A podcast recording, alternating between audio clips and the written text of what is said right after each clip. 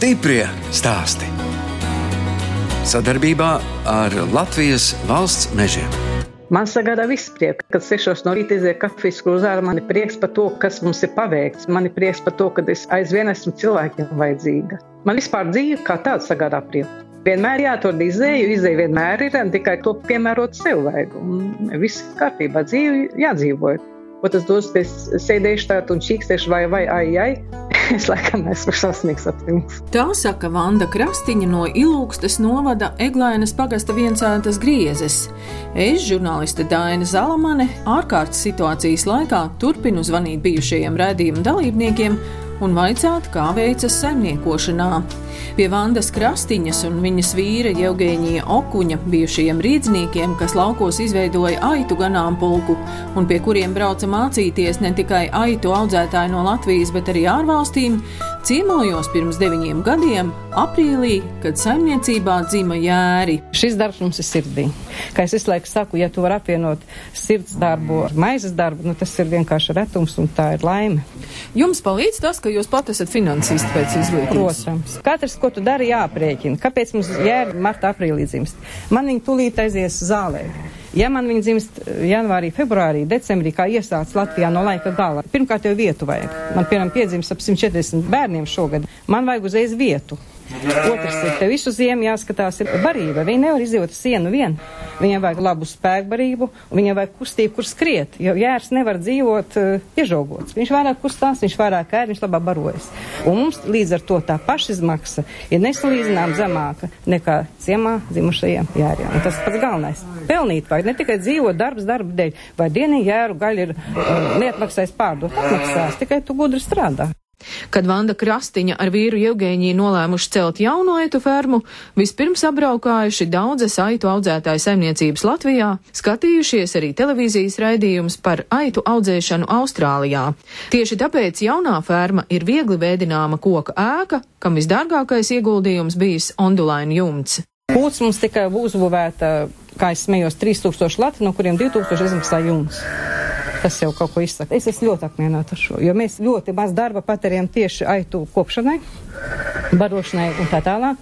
Dzirnāšana mums ir automātiska, mums ir siltās dzirnātavs, mēs ziemā vispār nekādiem ūdens paņēmiem no jāstāv, vienam no jānēsā muguru slapinā un sāpoša. Un ļoti ērti strādāt. Mums tā ziemā barošana notiek divas stundas dienā. Ziemā paliek tikai mammas.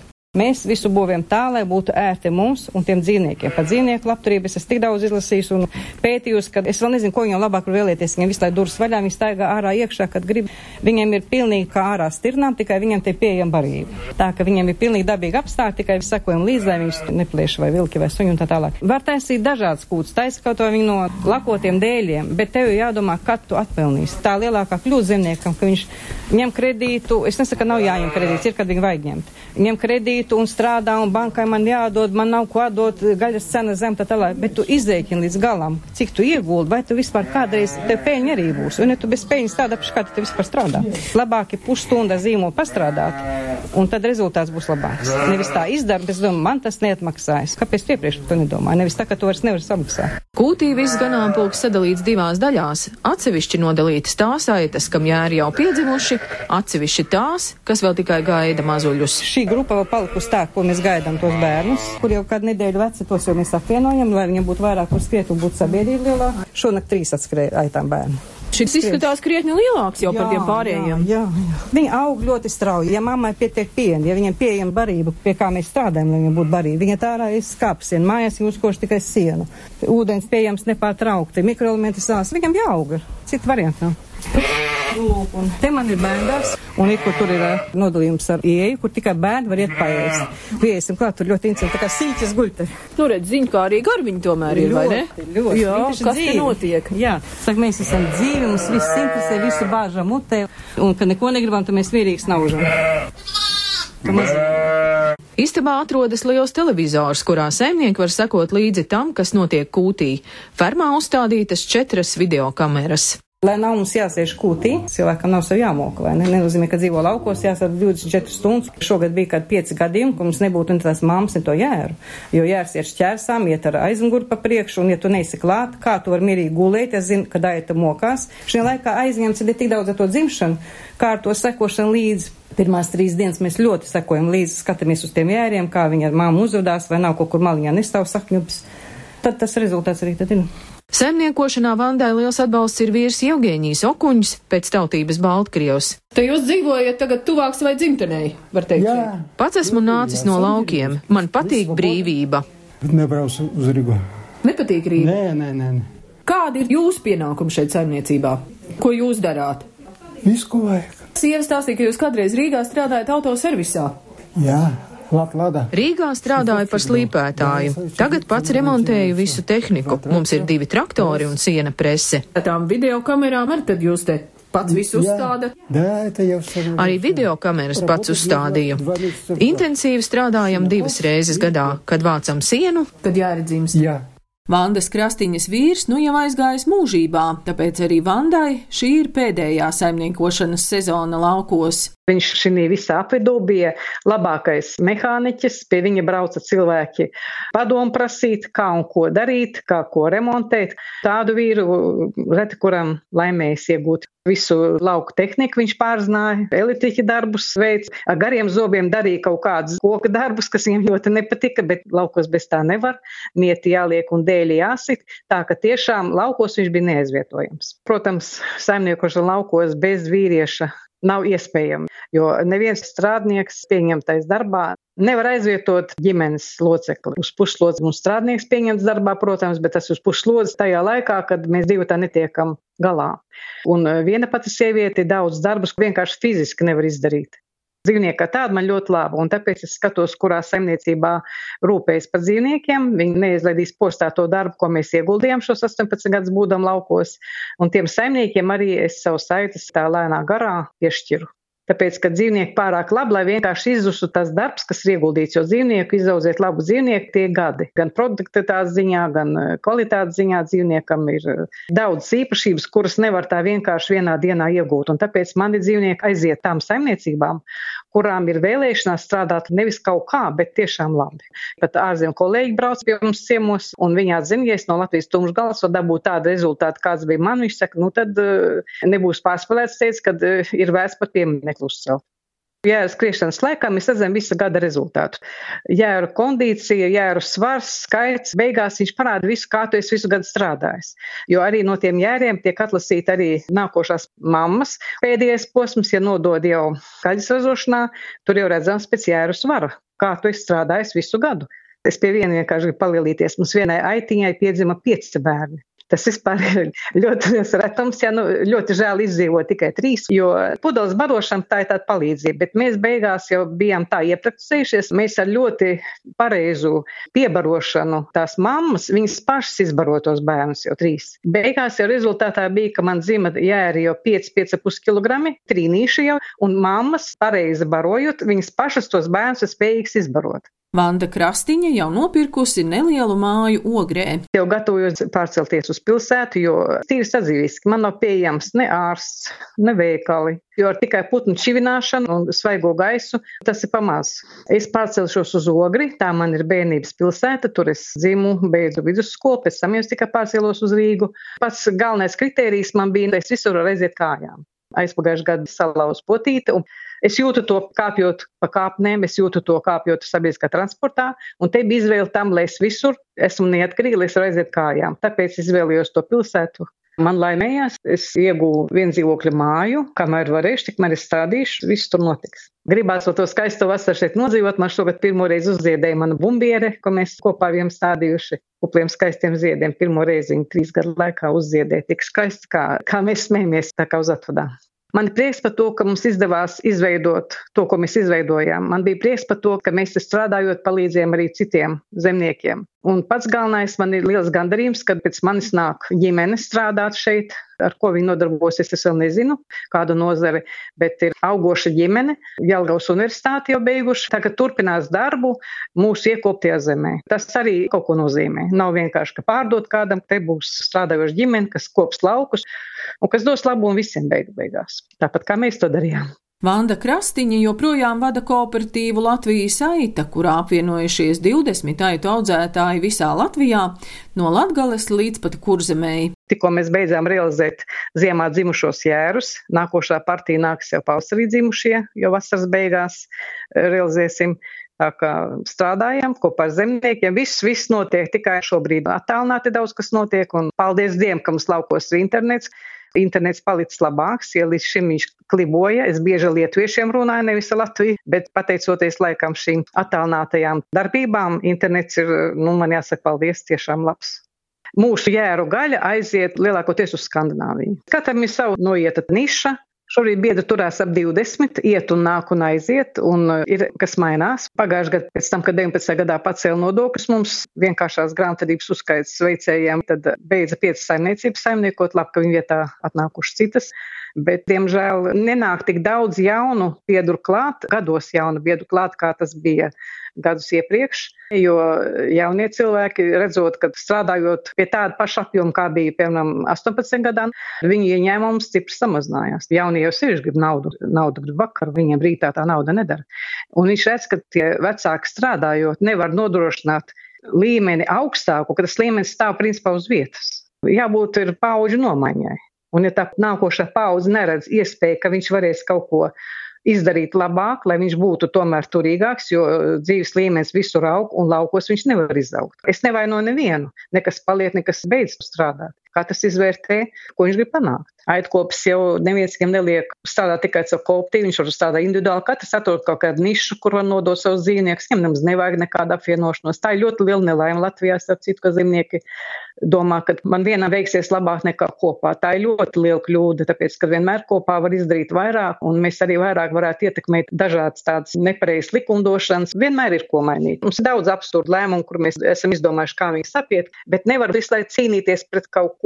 Mums vienkārši nav tam laika, jums jāstrādā jāstrādā. Mums nav laiks Rīgā sēdēt nebeidzamās sanāksmēs, jo tur cilvēks iziet no kabineta un aiziet atpakaļ, bet mums ir brauciens uz Rīgā aizņem 4 stundas, tur 4 atpakaļ. Tā ka tas nav viegli mums izdarāms, bet vienalga, ja mēs būtu apvienojušies vairāk cilvēku kopā, mēs daudz ko vairāk varētu arī panākt, arī ar citiem kooperatīviem apvienojoties, bet mums ir, diemžēl, Latvijā tāda viensētnieku tā filozofija, katrs par sevi. Nu, kamēr tā būs, tad mēs tā bišķiņ klusmies viens solis priekš, divus atpakaļ. Vanda Krastiņa arī skaidro, ja lauksaimniekiem nemaksātu subsīdijas, pilsētniekiem par lauksaimniecības produktiem nāktos maksāt daudz vairāk. Ja laukos nemaksātu tā saucamās subsīdijas un tā tālāk, tad laukos vispār cilvēki nebūtu, jo saražot pārtiku ir dārgi. Katrs zina, cik maksā piena litrs veikalā šodien un cik maksā litrs benzīna. Tāda viņš mazliet, mazliet lētāks palicis. Ir. Un kāpēc tas tā notiek? Par šīm summām, kas aiziet it kā lauksamniekiem, viņi neaiziet zemniekam kabatā. Kāpēc zemniekam subsīdijas tiek maksāts visā pasaulē? Lai cilvēki varētu to pārtiku nopirkt. Ja mēs negribam ēst mākslīgo sojas gaļu, ja mēs negribam kokos pienu dzert, tad tā vai arī nākiet un paši pamēģiniet strādāt bez subsīdijām. Kurš liedz kādam zemniekam strādāt bez subsīdijām? Parāda, vai tu esi spējīgs to izdarīt. Cilvēki runā par to, par ko viņi pat nesaprot. Es par tiem jautājumiem, kurus es nesaprotu, es necenšos diskutēt par to, ja es neesmu tur izbūrusies cauri no A līdz Z. Bet runāt ar redz tiem zemniekiem, kā jūs teicāt, subsīdijas dot, vēl kaut ko piemaksā, viņi nezin par ko piemaksā. Runājiet ar lauciniekiem, uz diskusijām pieeziet laucinieku, kur viņam tās subsīdijas, cik viņš saņem, cik viņam beigās paliek un par ko viņš saņem tās subsīdijas. Un kāpēc arī saņem visā pasaulē subsīdijas zemnieki. Tas jautājums ir ļoti sarežģīts. To nedrīkst tā vienkārši pateikt. Jums ir, un jūs vēl nezināt, ko gribat. Tad jums ir pa sausu, tad jums ir pa slapju, bet jūs šeit gribat katru dienu. Nākiet pastrādāt bez subsīdijām, slapjā, sausā, karstā.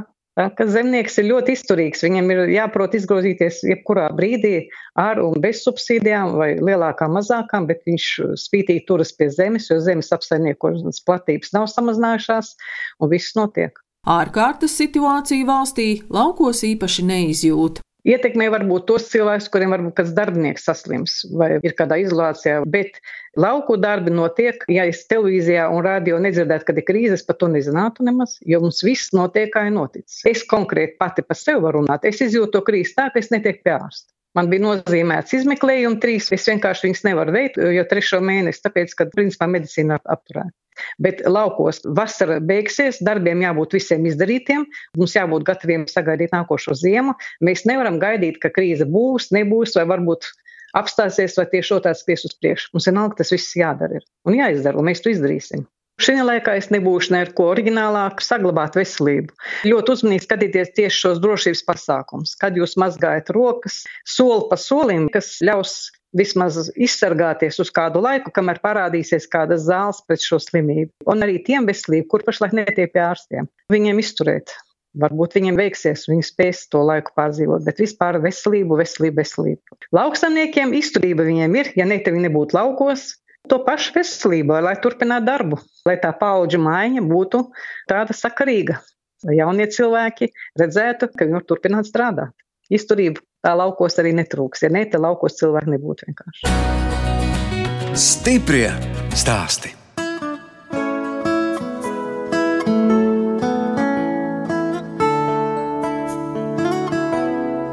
Skan raidījums stipri stāsti. Tagad sazināsimies ar Rundāles novada viesturu pagasta piemājas saimniecības padagas īpašnieci Sandru Icaku.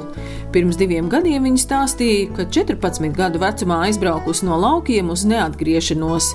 Izmācījusies par šuvēju, tomēr pienāca brīdis, kad abi ar vīru nolēma atgriezties laukos. Netālu dzīvo arī meita ar ģimeni.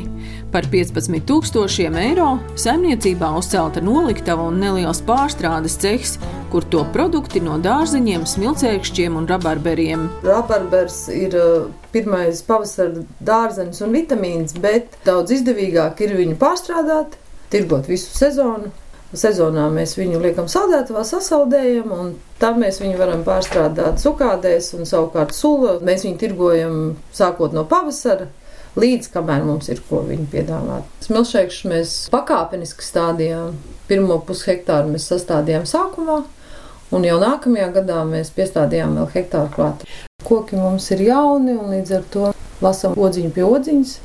Zarus mēs daudz nevaram griezt, jo viņiem ir jāaug, viņiem ir jāveidojās. Arī vistas sākuši audzēt, kad sapratuši, ka pēc laukolām ir liels pieprasījums. Jums tās vistas visādas. Visādas, jā. Raibas, baltas, brūnas.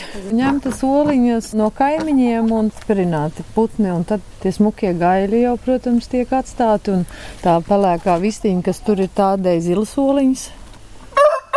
Citai brūnas, citai gaiši tādas beišas, tās olas baltajām ir atkal baltas olas tām lekurnēm. Manai mammai bija vistas, un olas tika mazliet arī pārdotas. Pārvācoties uz laukiem, mēs domājām, kas būtu tas, kas nestu to naudu, nestu diezgan ātri, un ko cilvēkiem vajag. Un tad tās bija olas. Vīrs uzcēla nelielu kūtiņu. Pēc lauku olām pieprasījums ir liels, protams, konkurence arī ir augusi šobrīd bet eh, ne visi cilvēki sakārto lietas ar PVD. Mums ir PVD akceptēta atļauja, mēs nododam divreiz gadā analīzes, pārbaudam visu veselību. Oficiāli reģistrēta putnkopība mums ir. Un kāpēc simts vistas vajag? Vajadzētu vairāk, bet mūsu esošās telpas vairāk neļauj. Ja būtu vairāk, varētu arī vairāk Varētu iztirgot. pārdot arī vairāk, pat kādas 300 vistas bet uh, mums šobrīd ir vairāk akcents uz to pārstrādi, un viss finanses tiek ieguldīts vairāk tajā pārstrādē. Sandra pirms diviem gadiem stāstīja, ka saimniecībā daudz ko uzbūvējuši, tāpēc, ka vīrs ir celtnieks. Vīrs ir uzcēlis visu tām kūtiņu, vīrs ir uzcēlis lielu skaistu siltumnīcu, vīrs ir mājā ievilcis ūdeni, sakārtojis kanalizāciju, elektrības lietas sakārtojis, viņš ar visu tiek galā. Tā kā, ja nebūtu šāds vīrietis man blakus, es domāju, ka šo vietu sakārtot būtu neiespējami. Tad, kad mēs cēlām šo pirti, pēdējie 600 metri ceļa bija vispār neizbraucami. Tas ceļš, ko jūs braucāt, tie 600 metri, mēs to ceļu esam saviem spēkiem un ar dažu vietējo līdzcilvēku palīdzību uzbūvējuši. Pirti ceļot mēs ar tačku stūmām iekšā flīzes, jo bija dubļi, bija rudens. Cik ļoti mums gribējās visu te darīt un kārtot. Šobrīd piemājas saimniecībā padagas ražo daudzus jaunus produktus, lai nekas no izaudzētā nepaliktu pāri. Ja mēs spiežam sulu, piemēram, mums ir gan rabarberu, gan ābolu sula, arī ogu sulas mēs spiežam, mēs nemetam ārā izspiedas. No tām mums sanāk gan tēja, pārstrādājam izspiedas pulveros, un tā mums veidojās vairāki produkti. Ir arī cukādes, jo aug mums rabarberi un, piemēram, ķirbus izaudzējam, tos mēs arī varam pārvērst cukādēs. Esam paplašinājuši to savu produkciju ar našķiem dažādiem. Viens no populārākajiem tās ir pastilas, kuras es taisu no simtprocentīgas sulas. Sakulta sula ar cukuru un želantīnu palīdzību veidojās tāda masa, kas sacietējot, mazliet pastāvot, viņa veido zefīru līdzīgu struktūru.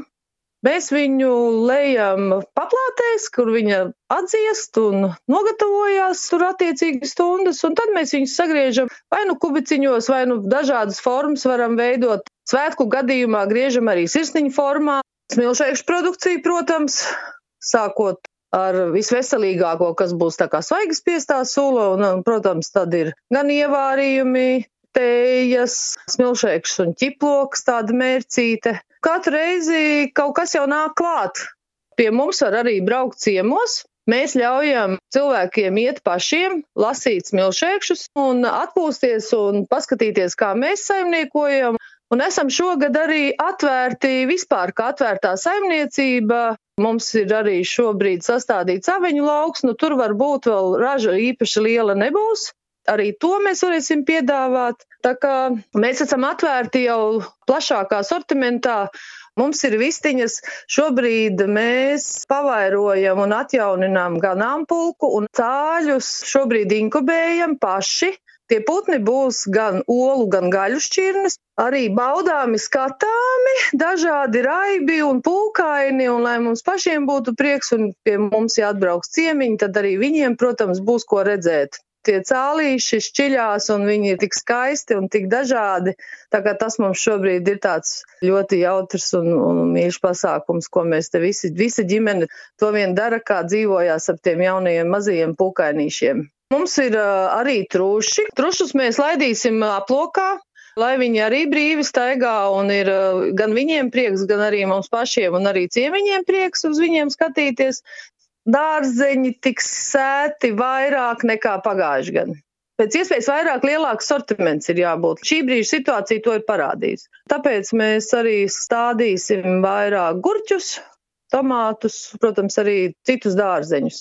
Liels atbalsts Sandrai un viņas vīram ir arī meitas ģimene, kas dzīvo netālu, bet mazdēli sniedz arī daudz prieka. Meita ir laukos, un arī viņa piedalās tirzniecības izbraukumos, un Šobrīd tas viss ir apturēts. Mēs ļoti ceram, ka drīz tas atkal viss varēs strādāt un darboties. Viņi arī brauc uz atsevišķiem tirdziņiem. Mēs mainījāmies, lai visiem ir arī šī apusējā pieredze un apusējais kontakts ar pircējiem. Divi puikas, kuriem šovasar paliks vienam četri gadi, vienam divi gadi, bet abi ir ņipri palīgi. Mēs viņus saucam par jaunajiem saimniekiem. Kartupeļus stādīt viņiem patīk. Saka, ka patiks arī novākt, bet to mēs redzēsim rudenī. Tā kā jā, mums ir jautri. Mums arī nācās atlikt daudz mūsu plānus. Mums bija ieplānots šogad uzbūvēt terasi priekš mūsu ciemiņiem, bet diemžēl šis laiks nav ļāvis mums pelnīt. Darba, protams, mums pietiek laukos, mēs bez darba nestāvam, bet uh, iespējas nopelnīt mums ir bijušas ļoti minimālas, līdz ar to mums ir jādomā par visām šīm finansiālajām lietām un iespējām. Bet uh, mēs ceram, ka tas viss taču sakārtosies un cilvēki atgriezīsies ierastajā ritmā. Mēs ļoti ceram, ka viss turpināsies un cilvēki gribēs kaut kur izbraukt. Es domāju, ka tiem, kuriem nav savu lauku, viņiem jau tomēr šis periods ir bijis jāpavada lielākai daļai strādājot no mājām un dzīvojot dzīvokļos. Godīgi sakot, nestādos priekšā, kā viņi jūtās. Manuprāt, tas ir ļoti nomācoši un ļoti smagi. Tāpēc brauciet uz laukiem, brauciet pie mums ciemos, labprāt padalīsimies pieredzē. Esam gatavi arī meistarklasē, ja tāda interese būs un pastāstīt savu pieredzi, kā ir dzīvot laukos, pametot pilsētu, ka tas nemaz nav tik neiespējami. Mūsu gadījumā tas ir nesis tikai mums prieku atpūtu savā ziņā no šīs stresa pilsētas. Esam domājuši par to, ka mēs varētu uzcelt tā saucamo čigānu pirtiņu upes malā, Mums pašiem šī pieredze ir, mēs paši sākām ar šo čigānu pirtiņu. Tā kā es ceru, ka viss būs labi atkal. Mēs arī paši esam domājuši par savu mājaslapu, bet secinājums ir tāds mūsu gadījumā, ka tikai ar šo produkciju, ko mēs šobrīd ražojam, nepietiek. Tāpēc ir uh, šie dārzeņi, par ko es iepriekš teicu, lai varētu piedāvāt cilvēkam arī tās primārās preces, to kartupeli vai bieti, un tad veidot tādu grozu, Vai tās būtu piegādes, vai tas būtu caur kaut kādiem piegādes punktiem pakamātiem, bet lai cilvēkam tas būtu tāds lielāks piedāvājums. Sadarbojamies ar dažiem veikaliņiem, kas paņem mūsu produkciju. Esam secinājuši, ka šobrīd varbūt cilvēki vairāk pērk tās primārās lietas. Cilvēki vairāk domā par to, kā izdzīvot. Mūsu produkti ir veselīgi, bet daļa no tiem ir našķi, bez kuriem, protams, var iztikt. Mēs savas oliņas, kas mums šobrīd ir, mēs viņas pārdodam ļoti veiksmīgi, bet, lai mēs veidotu tādu mājaslapu vai piegādes, tas ir pamaz. Bet es jums teikšu godīgi, tas nav vienkārši. Sagatavot šo piedāvājumu, katram atsevišķi pievest, tas tiešām ir laiks, un ja tas sortiments ir liels, tas nav vienkārši. Bet, protams, ka tas ir izdarāms. Dzīvosim, redzēsim, kā veidosies tālāk tā situācija. Bet citādi, protams, ka mums ir darbi, mēs ejam, daram, tādā ziņā laukos nekas jau nemainās, laukos jau nekas neapstājās. Laukos ir jāiet, ir jādara, zāle jau ir jāpļauj. Šeit dzīvojot, mēs šo pandēmijas laiku uz vietas mēs viņu neizjūtam. Neviens mums maskā pretī nenāk, bet, protams, aizbraucot kaut kur pilsētā, loģiski, ka mēs pielāgojamies, mēs arī esam piesardzīgi. Sandra Iceka stāsta, ka šogad piemājas saimniecība Padagas tikusi pie vairākām balvām. Mūs ir arī novērtējuši citi Un tas arī dod, kā saka, restartu tam visam atkal, lai iet un darīt un cerībā, kad viss būs labi. Latvijas lauksaimniecības universitāte katru gadu rīko tādu gada balvu uzņēmējs nākotnē un saņēmām balvu par mūža izglītības idejas īstenošanu dzīvē. Tas bija ļoti, ļoti tāds emocionāli patīkams pārsteigums, jo likās jau, ko tam mēs, mēs jau tādi maziņi un aptuveni trīs gadu laikā es esmu apmeklējusi aptuveni desmit kursus universitātes mūža izglītības programmā. Tā skaitā arī esmu bijusi pagājušajā gadā pieredzes apmaiņas braucienos ārzemēs.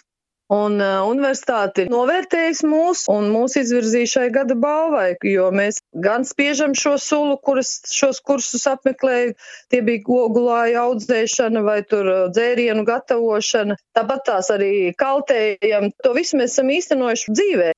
Latvijas lauka konsultāciju centrs, viņiem ir tāds pasākums, kā izgaršo Latviju, un mēs savā Zemgales reģionā arī ieguvām balvu un tikām novērtēti. Tas ir ļoti patīkami, kad cilvēkiem mūsu produkcija garšoja, jo tur balsoja tikai pircēji, Mēs bijām ļoti, ļoti patīkami pārsteigti par to. Tas pats lauka konsultāciju birojas rīko kursus, arī tajos es esmu bijusi un klausījusies lekcijas. Tā kā šīs iespējas jau īsnībā ir ļoti lielas, varbūt daudzi to nezina, pat cik mēs uzsākām un paši interesējāmies, ko kur var apgūt, mācīties, lai zinātu, kā darīt to vai labāk darīt, tad esam secinājuši, ka tiešām šobrīd saistībā ar šiem Eiropas projektiem ir ļoti, ļoti daudz iespēju mācīties, un šīs mācības lielāko daļu ir bezmaksas. Cilvēkiem vienkārši ir jāizbrauc un jāpiedalās un jābauda un jāņem to, ko šī iespēja dod. Protams, visiem veselību es gribētu novēlēt un pēc iespējas vieglāk pārdzīvot šo pandēmijas laiku, lai cilvēkiem vieglāk būtu turpmāk strādāt un dzīvot, un lai viss mums Latvijā visiem veicās un darbojās, lai darbi iet uz priekšu.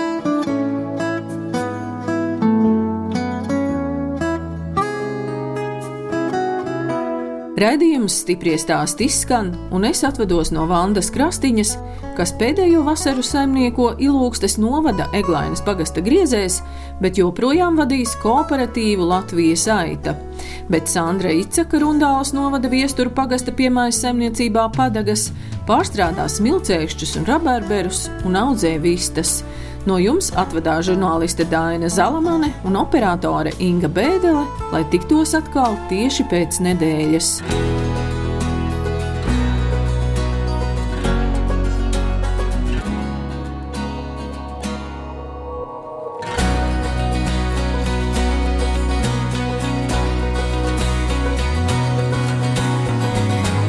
Stiprie stāsti.